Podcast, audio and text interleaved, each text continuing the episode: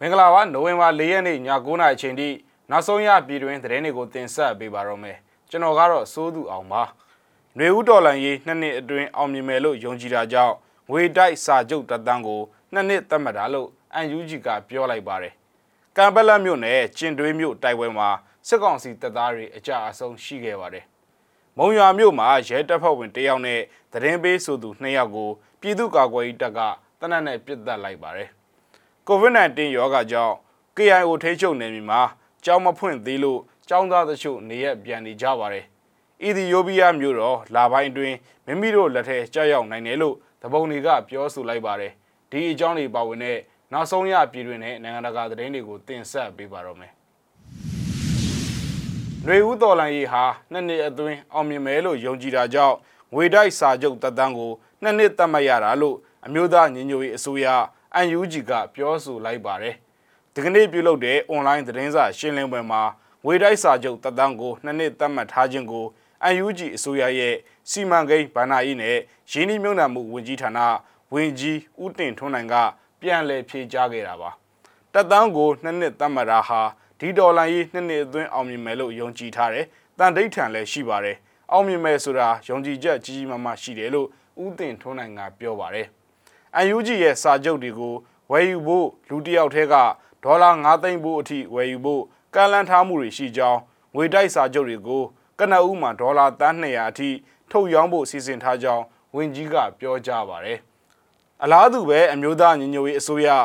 UNG ကိုအခွန်ထမ်းဆောင်ထားတဲ့စီးပွားရေးလုပ်ငန်းရှင်တွေနဲ့သာပြန်လည်ထူထောင်ရေးကာလမှာလက်သွဲလှုပ်ဆောင်သွားမယ်လို့ဦးတင်ထွန်းနိုင်ကပြောကြားခဲ့ပါသေးတယ်။အမျိုးသားညီညွတ်ရေးအစိုးရရဲ့ ຫນွေဦးတော်လှန်ရေးကာလအတွင်းဘတ်ဂျက်လိုအပ်ချက်ဟာကာကွယ်ရေးအသုံးစရိတ်မပါဝင်ဘဲကန်ဒေါ်လာတန်း800လိုအပ်ခဲ့ပြီးအခွန်ရရှိဖို့အတွက်ຫນွေဦးထီရောင်းချတာအခွန်ကောက်ခံတာနဲ့ငွေတိုက်စာချုပ်တွေထုတ်ရောင်းတာကိုပြင်ဆင်လှုပ်ဆောင်ခဲ့တာလည်းဖြစ်ပါတယ်ဆက်လက်ပြီးချင်းပြည်နယ်ကံပတ်လက်မြို့နယ်ကျင်တွင်းမြို့မှာစစ်ကောင်စီတပ်နဲ့တိုက်ပွဲဖြစ်ခဲ့ပြီးစစ်ကောင်စီတပ်သား9ယောက်သေးက10ယောက်လောက်ဒဏ်ရာရသွားကြောင်း ချင်းကာကွယ်တပ်ဖွဲ့ဖြစ်တဲ့ CDF ကံပလက်ကတာဝန်ရှိသူတယောက်ပြောပြပါဗျ။ကျင်တွင်းမျိုးဖုံတွီကျင်းရောက်ကအထက်ပိုင်းမှာစစ်ကောင်စီတပ်ဖွဲ့ဝင်တွေနဲ့ CDF ကံပလက်တို့အကြားနိုဝင်ဘာ၄ရက်နေ့မနက်၈နာရီကစလို့နေ့လယ်၁၇နာရီထိ၃နာရီကြာတိုက်ပွဲဖြစ်ခဲ့တာပါစစ်ကောင်စီတပ်တွေကျွန်တော်တို့ထိန်းချုပ်ထားတဲ့နယ်မြေတွေကိုစိုင်ကယ်တွေနဲ့ဝင်လာတာကိုစောင့်ပြီးတော့တိုက်တာပါလို့ CDF ကံပလက်ရဲ့ပြောခွင့်ရသူကဆိုပါတယ် ကျင်တွင်းမြို့မှာစစ်ကောင်စီတပ်ဖွဲ့ဝင်တွေအပြောင်းအရွှေ့အတိုးအလျှော့အမြဲတမ်းရှိနေတာကြောင့်ဘဲတန်ရင်းနဲ့တိုက်ပွဲဖြစ်ပွားကြောင်းလက်သလောအတီးပြုနိုင်ခြင်းမရှိသေးဘူးလို့သူကဆိုပါတယ်စစ်ကောင်စီတပ်ဖွဲ့ဝင်တွေဟာစိုင်ကယ်တစ်စီးကိုလူ3ယောက်စီးနင်းပြီးစိုင်ကယ်10စီးနဲ့လူအယောက်30လောက်ဝင်ရောက်လာတာဖြစ်ကြောင်းကိုလည်းသူကပြောပါတယ်တိုက်ပွဲအပြီးမှာတော့စစ်ကောင်စီတပ်ဖွဲ့ဝင်တွေဟာတေဆုံးသူနဲ့ဒဏ်ရာရသူတွေကိုကောက်ယူပြီးတော့ပြန်လည်ဆုတ်ခွာသွားကြကြောင်းနဲ့ CDF ကံပက်လက်ဘက်ကတော့အကြအဆုံးမရှိခဲ့ဘူးလို့ဆိုပါတယ်။ချင်းပြည်နယ်လောင်းရှိနဲ့ကျင့်တွေးမြို့အကြားမှာဘယ်ရင်မှဖြတ်တန်းသွားလာခြင်းမပြုဖို့နဲ့မဖြစ်မနေသွားလာဖို့ရှိပါကအကြောင်းကြားခွင့်ပြုချက်ယူထားဖို့ကို CDF ကံပက်လက်ကထုတ်ပြန်ထားပါတယ်။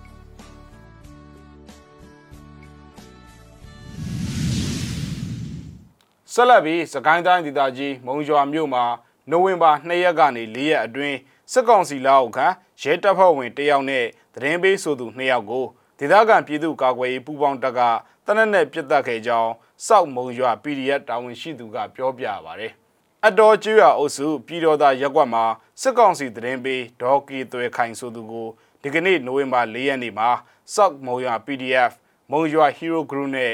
UG Group မုံရွာတို့ကပူးပေါင်းရှင်းလင်းနိုင်ခဲ့တယ်လို့ထုတ်ပြန်ထားတာပါ။ နန္ဒဝင်ရက်ကွက်မှာရှိတဲ့အာကစားနဲ့ကာယသိပ္ပံကျောင်းသားမှာတော့အရက်ဝတ်ရဲတယောက်ကိုနိုဝင်ဘာ3ရက်မှာတနက်နဲ့ပြတ်သက်ခဲ့ကြောင်းသိရပါတယ်။သူတို့ကသတင်းပေးဆိုတာသိကြတယ်။သတင်းပေးသိကြတယ်ဆိုမှလောက်တာပါ။ကျွန်တော်တို့ကသတိပေးစာတွေအရင်ထုတ်တယ်။အဲ့ဒါကိုသူတို့ကမရက်ပဲစစ်ကောင်စီနဲ့ဆက်ပြီးလုံနေတာတွေရှိတဲ့အပြင်ရက်ရွာကဝိုင်းဝန်းတိုင်တန်းတာတွေလည်းရှိလို့လှုပ်ရှားလိုက်တာပါလို့စောက်မုံရွာ PDF တာဝန်ရှိသူကပြောပြပါဗျ။ နိုဝင်ဘာ2ရက်နေ့မှာလည်းတစ်ဆင့်ရွာကစစ်ကောင်စီသတင်းပေးတယောက်ကိုသူ့ရဲ့ခွေးဘလူးကားပေါ်မှာပဲတနက်နဲ့ပြစ်တက်ခဲ့ပြီးနိုဝင်ဘာ2ရက်နဲ့3ရက်နေ့ကဖြစ်ပွားခဲ့တဲ့ပြစ်ခတ်မှုတွေကိုတော့စောက်မုံရွာ PDF နဲ့မုံရွာ Hero Group ကပူးပေါင်းလှုပ်ဆောင်ခဲ့တာလို့သူကပြောပါတယ်။ မုံရွာမြို့မှာရှိတဲ့စစ်ကောင်စီသတင်းပေးတွေအနေနဲ့လုံရက်တွေကိုအချိန်မီရပ်တန့်ကြဖို့နဲ့ဆေးရနာရှင်စနစ်ဖြုတ်ချနိုင်တဲ့အထိဆက်လက်တိုက်ပွဲဝင်မယ်လို့လည်းပျောက်ကြားပူးပေါင်းအဖွဲ့တွေကအသိပေးခဲ့ပါတယ်ခင်ဗျာ။ကချင်လွတ်လပ်ရေးအဖွဲ့ KIO ထိန်းချုပ်ရာဒေသမှာ COVID-19 ရောဂါအခြေအနေတွေကြောင့်ကျောင်းပြန်ဖွင့်ဖို့မဖြစ်နိုင်သေးလို့စစ်ရှောင်းအထက်တန်းကျောင်းတစ်ကျောင်းဖြစ်တဲ့အလံပွန်ကျောင်းက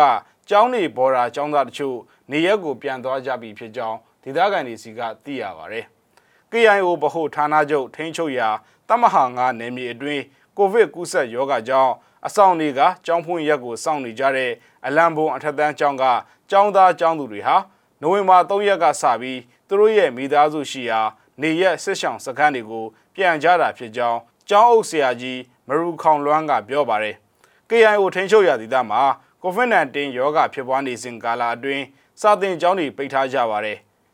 အလံဘုံအထက်တန်းကျောင်းမှာ2020-2021ခုနှစ်ပညာသင်နှစ်အတွက်ပညာသင်ကြားဖို့ပြီးခဲ့တဲ့မေလ22ရက်တည်းကကျောင်းသားကျောင်းသူတွေကိုလက်ခံထားခဲ့တာပါ။အလံဘုံအထက်တန်းကျောင်းဟာ KIO ထိန်းချုပ်ရာဒေသကစစ်ဆောင်တွေအတွက်အဓိကရည်ရွယ်ဖွင့်လှစ်ခဲ့တာလည်းဖြစ်ပါတယ်။ဆက်လက်ပြီးတော့နိုင်ငံတကာသတင်းတွေဘက်ကိုလည်းကြည့်အောင်ပါအီသီယိုးပီးယားနိုင်ငံရဲ့မြို့တော်ဟာသတင်းပတ်တွေအတွင်းမဟုတ်ရင်တောင်မှ လာပိုင်းအတွင်းမှာကျသွားနိုင်ကြောင်းတီဂရီတပုံအဖွဲ့နဲ့မဟာမိတ်ပြုထားတဲ့အိုရိုမိုအဖွဲ့တစ်ခုကနိုဝင်ဘာ3ရက်နေ့မှာ AFP ကိုပြောလိုက်ပါတယ်။အချိန်ထဲမှာပဲလက်ရှိအီသီယိုးပီးယားအကြက်တဲ့အရေးဆွေးနွေးမှုတွေလုပ်ဖို့အထူးတန်တမန်တယောက်ကိုရင်းနိုင်ငံကိုဆေလွတ်သွားမယ်လို့ဝါရှင်တန်ကကြေညာခဲ့ပါတယ်။အီသီယိုးပီးယားဝန်ကြီးချုပ်အဘီအာမတ်အစိုးရကိုတနစ်ကြာတိုက်ခိုက်နေတဲ့တီဂရေပြည်သူ့လွတ်မြောက်ရေးတပ်ဦး TPLF ဟာသူ့ရဲ့မဟာမိတ် အိုရိုမိုလွတ်မြောက်ရေးအဖွဲ့ OLA နဲ့အတူပြီးခဲ့တဲ့ရက်တွေအတွင်းနယ်မြေဧရိယာတွေကိုတိတိတသာသိမ်းပိုက်တလန်းနိုင်ခဲ့တယ်လို့ကြေညာခဲ့ပါတယ်။တိုက်ပွဲတွေဆက်ဖြစ်နေခဲ့ချိန်လူအစုလိုက်အပြုံလိုက်တပ်ဖြတ်ခံရမှုအုပ်စုလိုက်အာရမပြုကျင့်မှုသတင်းတွေနဲ့အတူစာလောင်ငတ်မှုမှုအကြက်သေးတစ်ခုကလည်းပေါ်ထွက်ထားခဲ့ပါတယ်။ပါဝင်ပတ်သက်နေတဲ့ဗပောင်းဆောင်ကလူသားထုအပေါ်ကျူးလွန်တဲ့ရာဇဝတ်မှုတွေကျူးလွန်နိုင်ခြေရှိကြောင်း ကုလအီသီယိုးပီးယားပူးတွဲအစည်းအဝေးတစ်စောင်ကသတိပေးခဲ့ပြီးတဲ့နောက်အလွန်အမင်းလူမဆန်မှုတွေနဲ့ပတ်သက်လို့ကုလအခွင့်အရေးအကြီးအကဲက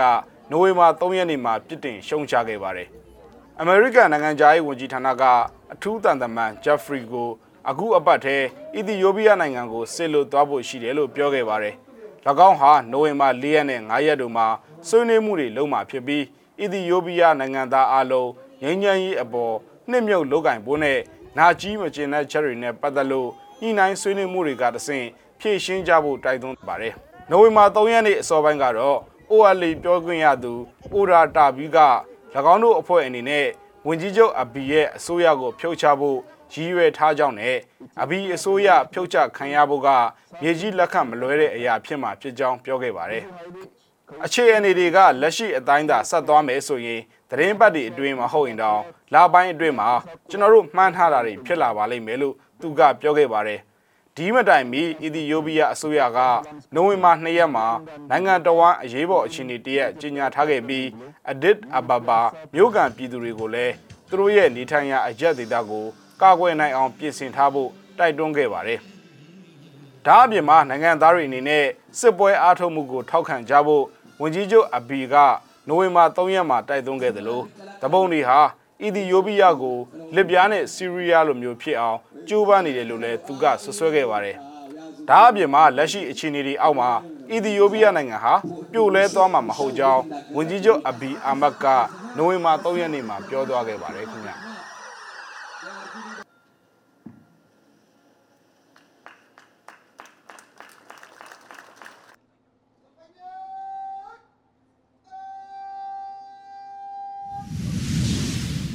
ဆက်လက်ပြီးဆန္ဒပြသတင်းတစ်ပုဒ်ကိုလည်းတင်ဆက်ချင်ပါတယ်မန္တလေးမြို့တနေရာမှာဒီကနေ့နိုဝင်ဘာ၄ရက်ညပိုင်းချိန်က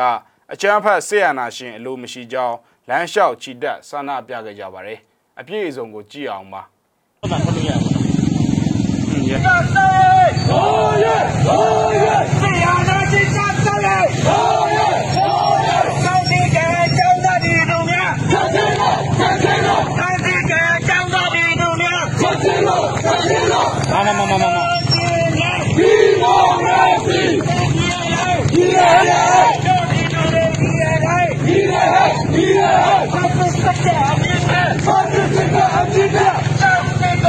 ရရ